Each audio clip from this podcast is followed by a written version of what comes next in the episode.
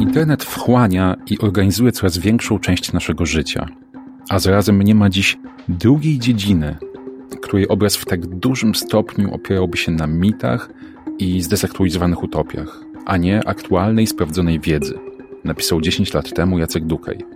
Po jednej stronie mamy obietnicę, demokratyzację dzięki Facebookowi, obalanie dyktatur za pomocą Twittera.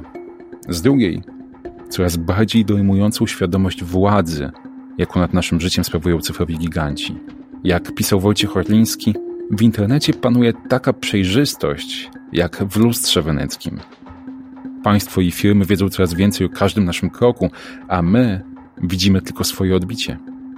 10 lat, które minęły od słów Dukaja i Orlińskiego, to lata, w których świadomość zagrożeń związanych z internetem znacząco wzrosła. Reagują na to politycy, uchwalając nowe przepisy, rośnie społeczna świadomość zagrożeń, jakie generuje internet. Finalnie okazuje się jednak, że internet jest po prostu kolejną przestrzenią do życia. Niezależnie od tego, co o niej myślimy, stał się miejscem do poznawania nowych osób, nauki, a nawet pracy. W sieci wymieniamy się informacjami, korzystamy z rozrywki. Jest też przestrzenią, w której napotykamy znajome problemy, niedemokratyczne ciągoty państw, władzy kapitału, wykorzystywanie ludzi, naruszanie praw człowieka. Jakże miałoby być inaczej? Świat nie jest czarno-biały. Fundacja Panoptykon zajmuje się tą przestrzenią od 14 lat. Niedawno wypadały nawet nasze urodziny. A dzisiaj rozmawiam z człowiekiem, który także działa na rzecz przestrzeni cyfrowej.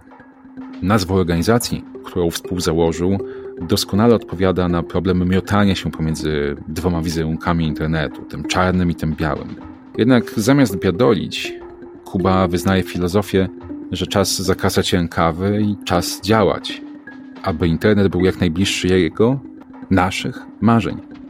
Zapraszam do wysłuchania rozmowy z Kubą Orlikiem, współzałożycielem inicjatywy Internet Czas Działać. To jest Panoptykon 4.0. Walczymy o prawo do prywatności i kontroli nad technologią. Gromadzimy i omawiamy wiadomości ze świata technologii pod względem prywatności i praw użytkowników. Skupiamy się na praktycznych aspektach prywatności oraz na sposobach, w jaki konsumenci mogą mieć wpływ na kształt świata i technologii. Kubo, pewnie słuchacze się teraz zastanawiają, skąd jest ten fragment.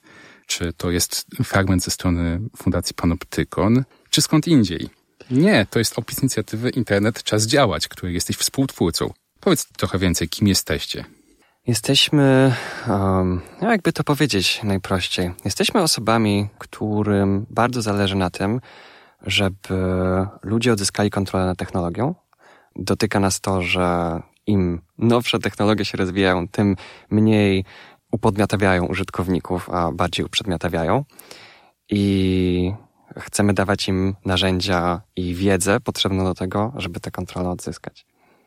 Mówisz my, no to może przedstaw tak. nie tylko siebie, ciebie już słuchacze poznali, ale zdaje się, że na inicjatywę Internet Czas Działać składa się kilka osób. Zgadza się. Na samym początku o, to były dwie osoby. Ja i Arkadiusz Wieczorek, który jest e, programistą, designerem i fotografem. Następnie dołączyła do nas e, niedawno adwokatka Agnieszka Rabcewicz, e, która także uzupełnia nasze kompetencje o te prawne aspekty. Rozumiem, że przynajmniej ty jesteś programistą i że wychodzicie z tej diagnozy, że współczesny, bieżący internet jest czymś, co ubezwłasnowalnia użytkowników, co odbiera im e, kontrolę, albo inaczej, oni nie mają kontroli nad tym, w jaki sposób korzystają z internetu, ale czy to jest istota motywacji, jaka stoi za powołaniem inicjatywy? Coś więcej o tym, mhm. jakby co chcecie osiągnąć. Mnie osobiście bardzo boli fakt, że ludzie przyzwyczajają się do tego, że technologia działa źle. Nie wiem, jest jakaś aktualizacja Windowsa, coś, coś nie działa i to jest takie wręcz, no, wręcz spodziewane, albo nie wiem, pojawiają się reklamy na pasku start i jest wręcz takie oczekiwanie od tego, o, o, użytkownicy wręcz oczekują, że technologia będzie działała źle, a my chcemy pokazać, że można wymagać więcej od technologii i my jako użytkownicy możemy domagać się lepszych rozwiązań i że takie rozwiązania często istnieją już, tylko są na przykład otwartoźródłowe um, i nie stoi za nimi żadna firma, która ma potężny zasięg marketingowy. chcemy dać e, światło właśnie na takie rozwiązania, żeby ludzie mogli z technologią robić więcej i z, z większą przyjemnością. Ale musisz zdefiniować, bo kiedy mówisz o tym, że ludzie się przyzwyczajają do tego, że internet działa źle, mhm. To musisz zdefiniować, co to znaczy źle. Oczywiście. Tak. Bo być może z perspektywy użytkowników działa dobrze, bo działa szybko, wygodnie, wszystko błyszczy tam, gdzie powinno błyszczeć. Statystyki pokazują, że pomimo, że prędkość łącza internetowego jest coraz szybsza, średnio z roku na rok, o tyle strony wczytują się wolniej z roku na rok, ponieważ są coraz cięższe i są coraz gorzej pisane. E, jednym z naszych e, działań, które mamy w planach, jest e, stworzenie narzędzia, które będzie pokazywało, ile jest w cudzysłowie niepotrzebnych rzeczy na stronie, czyli rzeczy inne niż treść, którą faktycznie użytkownik widzi, żeby zrobić sobie taki indeks za przeproszeniem, nadwagi stron internetowych, e, żeby można było widzieć, co ta strona mogłaby robić lepiej i żeby użytkownicy mogli także mieć większą świadomość, bo ja jako programista mogę sobie otworzyć narzędzia deweloperskie przeglądarki i zobaczyć dokładnie, dlaczego strona działa źle i co by można było zrobić. Czy ta strona faktycznie musi wczytywać tak wiele danych, żeby robić to, żeby spełniać zadanie dla użytkownika, a zwykły użytkownik nie. Wierzymy, że jak e, użytkownicy będziemy, będą mieli więcej wiedzy, to będzie im łatwiej podejmować no, bardziej poinformowane decyzje. Do tego wątku na pewno jeszcze wrócę, bo on jest dla mnie szalenie interesujący. To znaczy, to czy prawdą jest to założenie, że poinformowany, świadomy użytkownik będzie dokonywał innych wyborów, ale jeszcze chcę podążyć ten temat złego internetu w waszej, w waszej definicji, bo to, co powiedziałeś przed chwilą, skupiało się na doświadczeniu użytkownika, mhm. na tym, żeby strona działała szybko, żeby nie, nie muliła się, tak jak to kiedyś chyba się mówiło. A czy w waszym DNA jako inicjatywy Internet Czas Działać są też kwestie związane z kontrolą użytkownika nad tym, co widzi, dlaczego coś widzi, jakie informacje na jego temat są y, gdzieś przesyłane? Zdecydowanie. Ta, ta, ta kontrola w naszym rozumieniu jest właśnie bardzo szeroka i to jest e, zarówno kontrola nad tym, jakie aplikacje uruchamiamy, jak one działają i czy one nam służą w jakim stopniu, oraz także kontrola nad danymi, które te aplikacje zbierają, jak te dane są używane i jaki efekt wywierają na, na użytkowniku. Tutaj już mamy dokończony produkt, który ujawnia zakres e, informacji, jakie strona wysyła na temat użytkownika, czyli do tego e, to, dokąd te dane są wysyłane oraz jakie dane. E, zrobiliśmy wtyczkę do przeglądarki, która nazywa się Rentgen. Można ją sobie zainstalować i ona monitoruje ruch, który jest generowany przez strony, które odwiedzamy i wyświetla informacje o tym, ile podmiotów trzecich, ile domen trzecich tak naprawdę dostało informację o użytkowniku. I można sobie zobaczyć, ile z nich zawierało identyfikatory w e, plikach cookie, um, ile z nich zawierało historię przeglądania i następnie ta wtyczka pomaga na podstawie zebranych danych napisać maila do administratora, który to potem mail um, i odpowiedzi na niego mogą być podstawą do złożenia skargi do Urzędu Ochrony Danych Osobowych. Ta nazwa Rentgen chyba dobrze oddaje istoty tej e, wtyczki, o której, o której mówisz.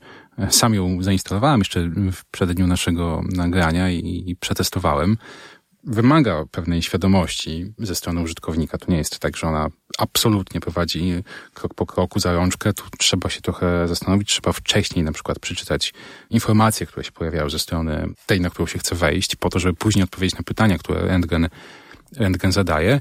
Ale y, jestem bardzo ciekaw, bo y, aplikacja, tak jak sprawdzałem, ona działa od wakacji 2022 roku. Powiedz o tym, czy ludzie jej używają? Jakie są statystyki jej wykorzystywania, efekty?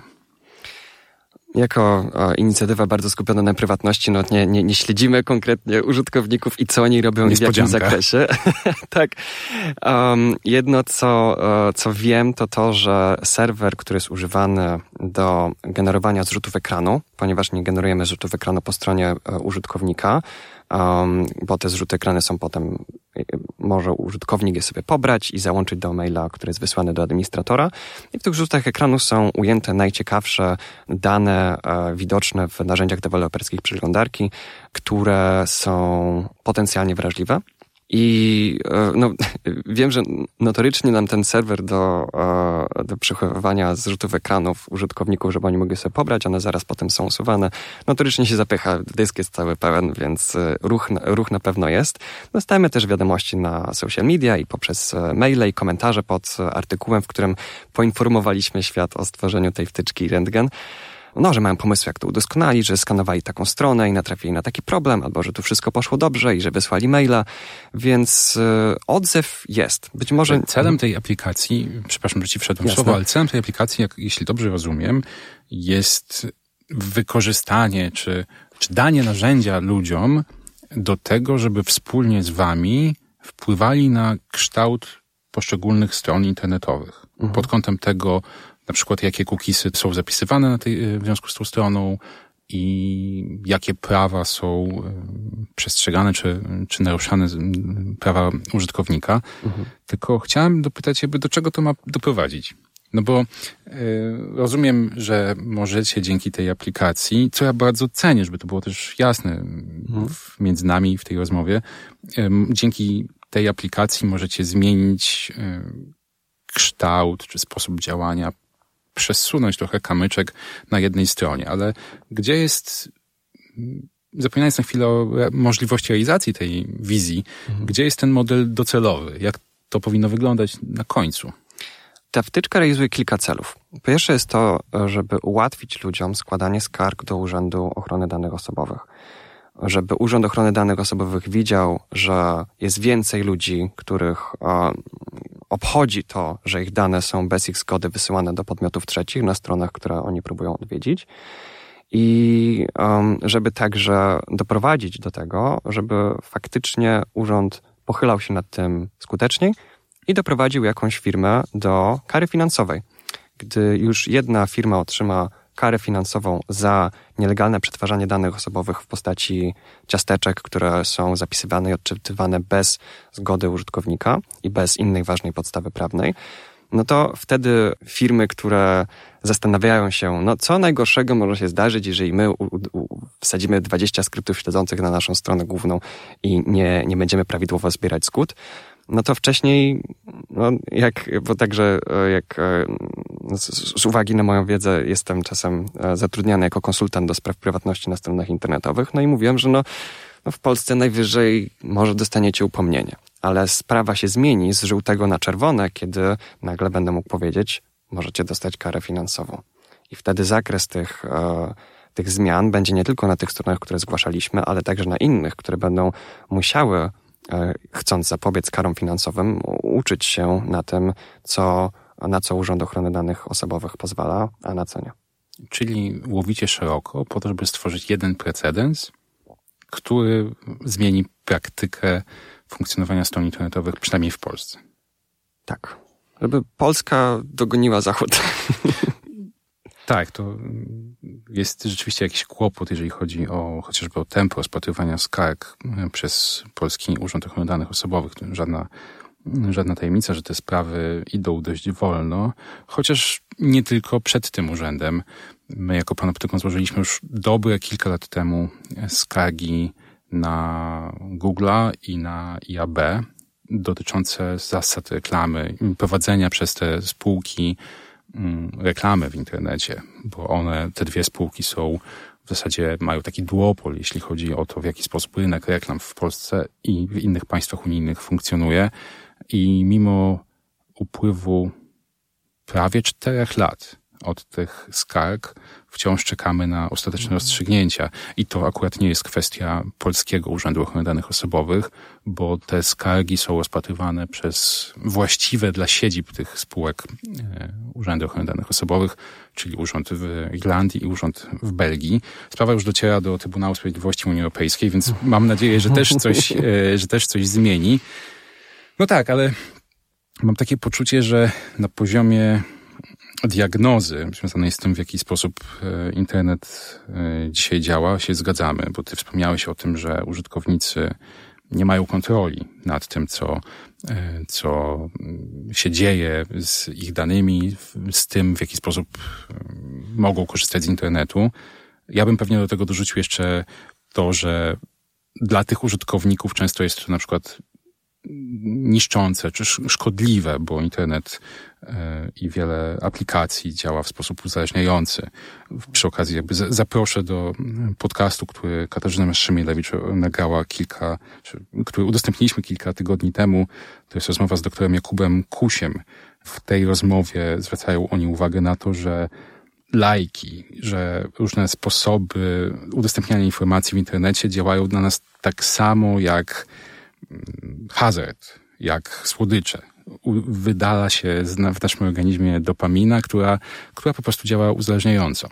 Więc są te kwestie związane z prywatnością, jest uzależnienie, ale jest też aspekt nie tylko indywidualny, ale także aspekt taki ogólny, społeczny, związany z dezinformacją, z mm, społeczną podatnością na manipulację, z dyskryminacją kobiet. Ale wracam ciągle do pytania, mhm. jak ten internet w końcu ma w takim razie wyglądać? Jakbyś zamknął teraz oczy i powiedział, i, i rozluźnił się i powiedział, internet moich marzeń wygląda... Okay. W internecie moich marzeń e, przede wszystkim myślę, że użytkownicy powinni odzwyczaić się od darmowych rzeczy a przynajmniej od rzeczy, które jakby utrzymują się totalnie bez udziału użytkowników. No bo w obecnym modelu mamy tak, że um, użytkownicy nie są klientami stron, które odwiedzają. Tylko reklamodawcy są klientami tych stron i to potrzebami reklamodawców jest motywowane, są motywowane wszelkie decyzje wpływające na, na kierunek rozwoju tych, tych portali. Myślę, że dla zdrowia internetu jest potrzebne odejście od modelu, w którym głównym albo jedynym źródłem utrzymania są reklamy śledzące. Fajnie byłoby na przykład, gdyby serwisy poszły w kierunek reklam kontekstowych, które potrafią być równie, a czasami nawet bardziej e, skuteczne. I tak, cieszy mnie rozwój modeli typu e, Patronite e, i różne inne systemy, w których ci użytkownicy, którzy mogą, zrzucają się na to, żeby twórca mógł tworzyć treści dostępne dla wszystkich. Także takich, których, których na przykład nie stać na to, albo jeszcze nie są przekonani, żeby dokładać się ze swojego portfela do, do tworzenia tych treści. Moi ulubieni twórcy internetowi właśnie opierają się o taki model i, i cieszy mnie, że oni nie muszą gonić algorytmów i, i publikować regularnie, żeby, żeby jak najwięcej reklamy świetlić, tylko skupiają się na tym, co uważają, że jest ważne do powiedzenia. Przyznam, że pytając cię o internet twoich marzeń, myślałem, że powiesz jeszcze trochę o Fediversum. Fediversum jako właśnie, jako czymś, Ale... co chyba jest znacznie bliższe temu ideałowi. E, tak, no to co pisałem jest jak najbardziej kompatybilne z Fediversum i, i Fediversum się jak najbardziej wpisuje w ten internet, na jaki zasługujemy, czy internet moich marzeń. A musisz chyba zdefiniować. Tak. Fedi, Fediversum e, mi się oczywiście kojarzy z uniwersum, e, czyli czymś takim globalnym, całościowym. Myślę, że nie wszyscy e, słuchacze i słuchaczki to, to pojęcie znają, mm. więc warto byłoby, żeby się zdefiniował, a ja tylko od razu powiem, że można też tam znaleźć w miejscach, o których teraz, teraz będziesz mówił, Fundację Panoptykon. Biorę głęboki wdech, bo to jest... Um, Fediversum jest takim odświeżającym podejściem do sieci społecznościowych, które przypomina trochę maila. Na przykład, jak e, dwie osoby mają maila w różnych domenach, um, tutaj e, mam nadzieję, że mogę powiedzieć, na przykład ktoś ma na wp.pl albo ktoś ma na interia.pl maila, no to te dwie osoby mogą ze sobą rozmawiać, pomimo, że dwie różne firmy prowadzą ten adres, te, te, te skrzynki pocztowe, ale jest jakiś taki standard pod spodem, który pozwala im się dogadywać. Nie ma żadnej jednej firmy, która jest w stanie maila wyłączyć albo cenzurować. No, pomijam tutaj, że Gmail ma tak duży monopol na rynku mailowym, że może dyktować warunki i troszeczkę utrudnia tę interoperacyjność. E, niemniej jednak e, sama sieć mailowa jest zbudowana w sposób bardzo mm, zdecentralizowany. Nie mam na myśli tutaj zdecentralizowany w tym nowym znaczeniu, czyli oparty o blockchain, tylko po prostu ma infrastrukturę, która nie ma jednego centralnego punktu, który można byłoby wyłączyć i ta sieć by się zepsuła. I Fediversum jest przełożeniem tej idei, która jest no, nie stara jak świat, ale stara jak e-mail, na media społecznościowe. Więc w Fediversum możemy mieć na przykład sieć Mastodon, aplikację Mastodon, która jest takim Fediversowym odpowiednikiem Twittera. I to tam właśnie znajdziecie od kilku tygodni Fundację Panoptykon. Tak, właśnie, tylko że tam to jest, to jest jeszcze um, samo tam nie wystarczy, bo mastodonów jest wiele. Każdy może postawić własnego mastodona i wszystkie te mastodony są ze sobą w stanie rozmawiać. I na każdym mastodonie może być jeden albo więcej użytkowników. Można tam wrzucać e, tekst, zdjęcia i co nie tylko. Jest na przykład PixelFed, który jest Fediversowym odpowiednikiem Instagrama, na który jest skupiony głównie na zdjęciach i od niedawna także na filmach.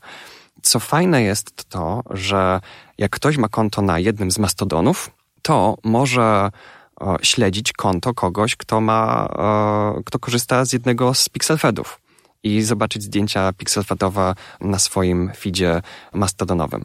Ja sam posiadam jednoosobową instancję Mastodona, na którym jestem tylko ja. Arkadiusz i Agnieszka oraz także nasze konto Internet Czas Działać jest na naszej własnej takiej trzykontowej instancji.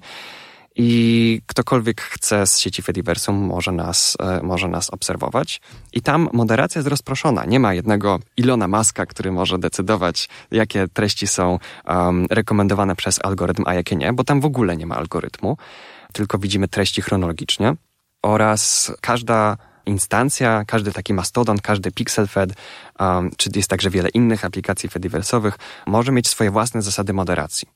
Więc jeżeli komuś się nie podoba to, że na tej instancji są blokowane jakieś treści, bo moderator ma takie, a inne, a nie inne podejście do moderacji, to może przenieść swoje konto razem z tym, z informacją o tym, kto obserwuje to konto, na inną instancję e, Mastodona, gdzie albo jest sam jedynym moderatorem, albo polega na e, społeczności, która ma zbliżone jego wymaganiom i potrzebom zasady moderacyjne.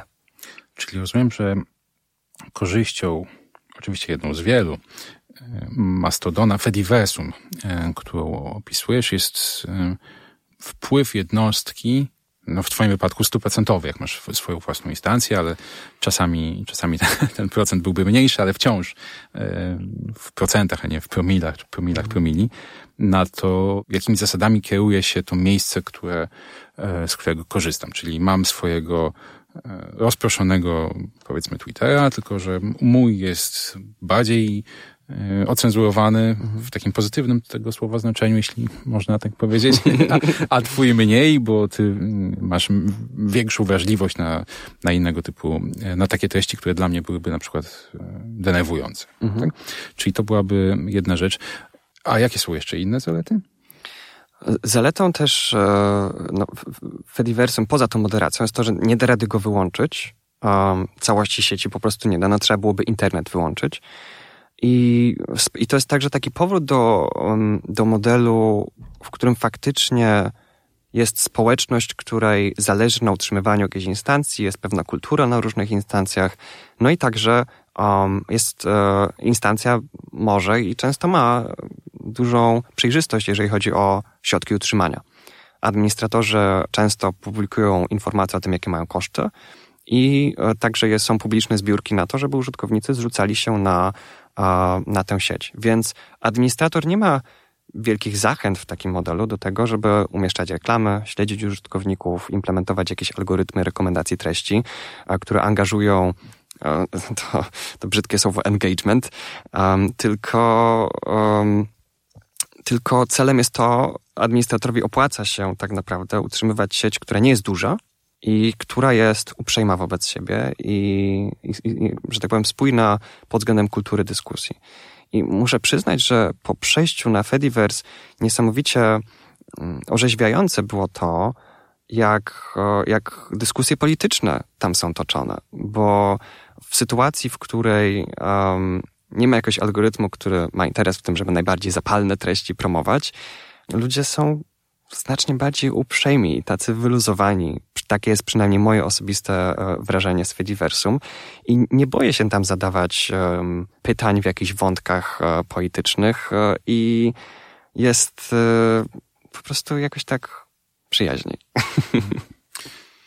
Chciałem Cię teraz zapytać o to, no bo wspomniałeś o kilku zaletach Fediversum Myślę, że jeszcze można byłoby o nich długo rozmawiać. Może ci jeszcze jakieś przyjdzie do głowy, to śmiało dorzucaj. Mhm. Myślę, że na pewno można byłoby tutaj podbić kwestię związaną z, wprost z prywatnością. No, to, jest, to jest nie bez znaczenia. Natomiast o Fediversum, Mastodonie dużo się mówiło w kontekście kryzysu, problemów na Twitterze, przejęcie przez Twittera przez Elona Muska. Nie chcę do te- tego bardzo mocno rozwijać, natomiast chciałem cię zapytać o skalowalność.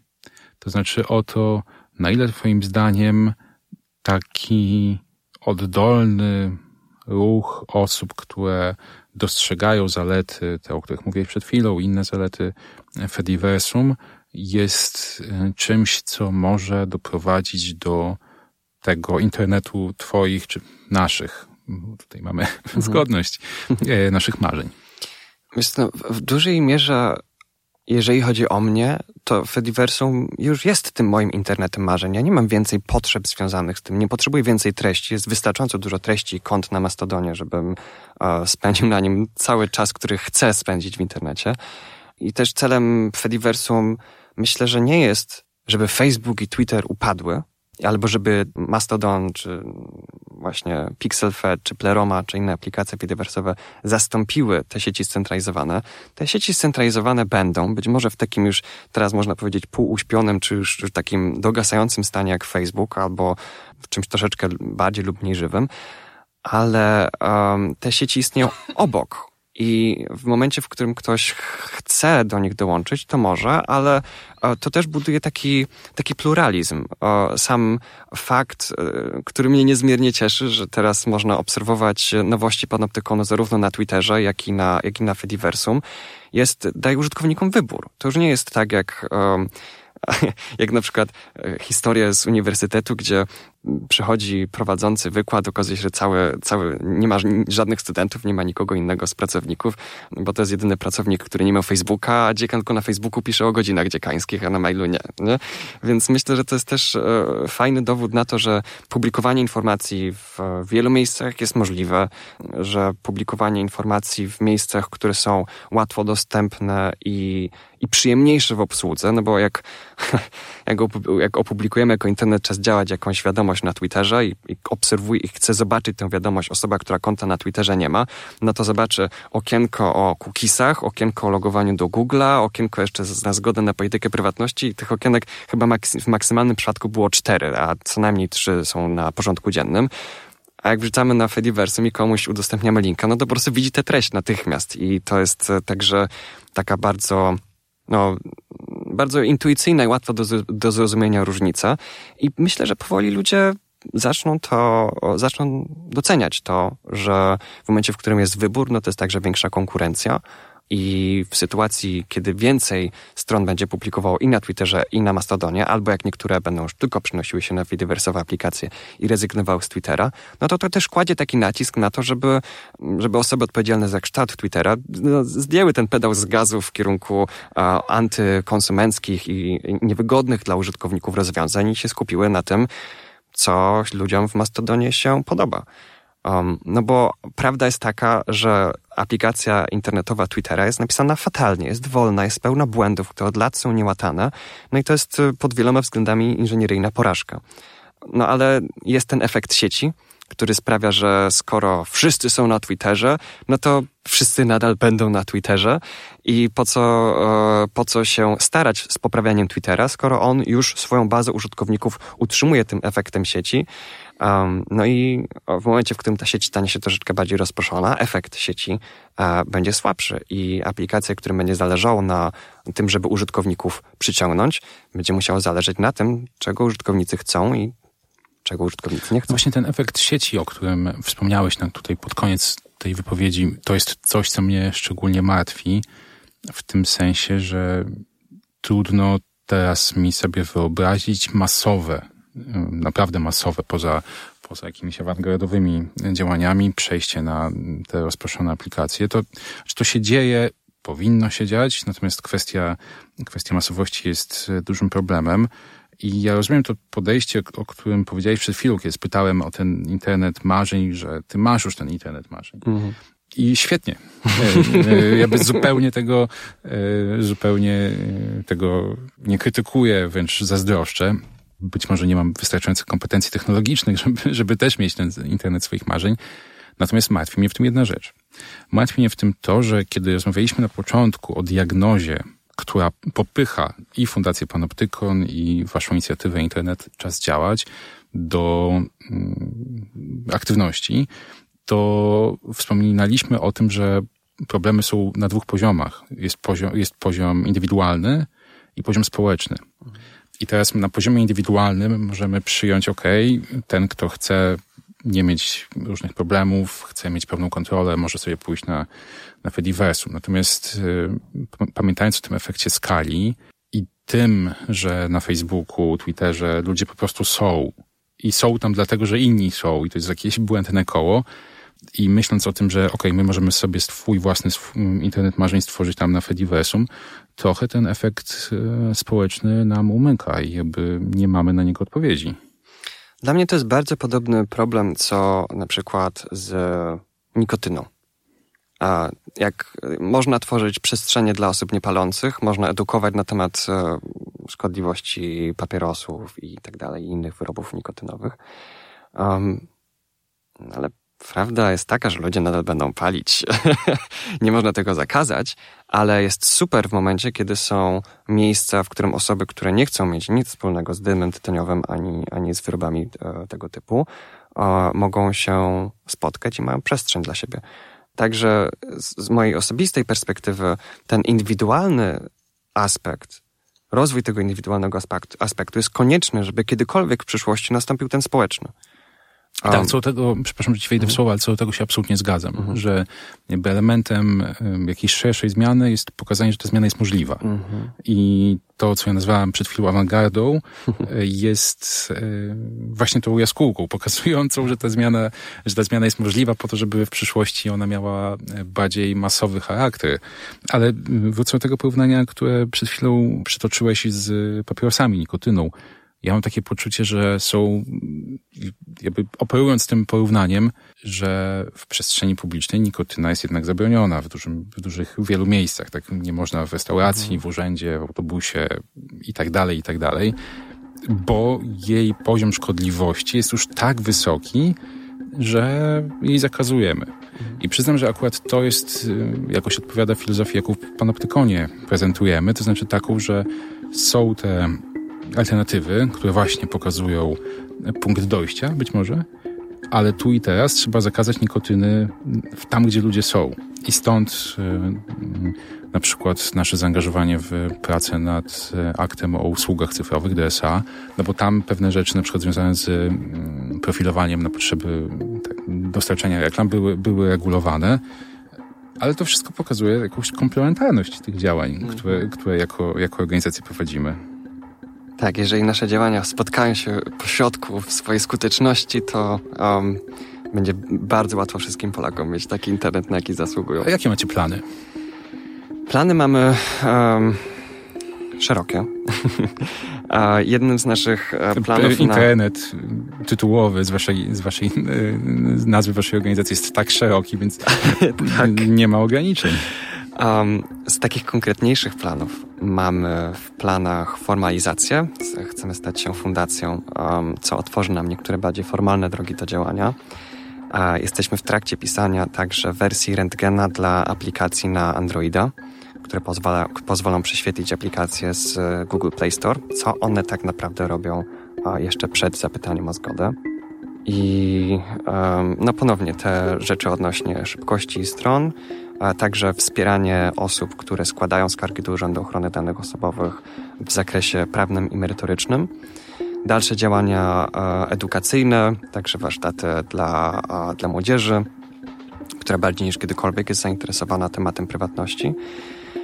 Więc e, no, pomysłów nam nigdy nie brakuje. Myślę, że to jest nasza największa klątwa, że pomysłów mamy e, mnóstwo i zapału też mnóstwo. Naszą klątwą jest to, że, że doba ma tylko 24 godziny. I spać jeszcze trzeba czasem. Tak, brzmi to nadzwyczaj znajomo. Muszę ci przyznać. Naprawdę bardzo znajomo. Słuchaj, to bardzo Ci dziękuję za tę rozmowę. Dziękuję. Moim gościem był Kuba Orlik. Żegna się z Wami Wojciech Klicki. Do usłyszenia w kolejnym odcinku podcastu Panoptykon 4.0. No i przy okazji zachęcam do śledzenia nie tylko Fundacji Panoptykon, ale także do tego, co robi inicjatywa, a niebawem Fundacja Internet Czas Działać. Do usłyszenia. Panoptykon 4.0 Jeśli cenisz ten podcast i inne działania Fundacji Panoptykon, pamiętaj o nas wypełniając PIT. Numer KRS znajdziesz na stronie panoptykon.org.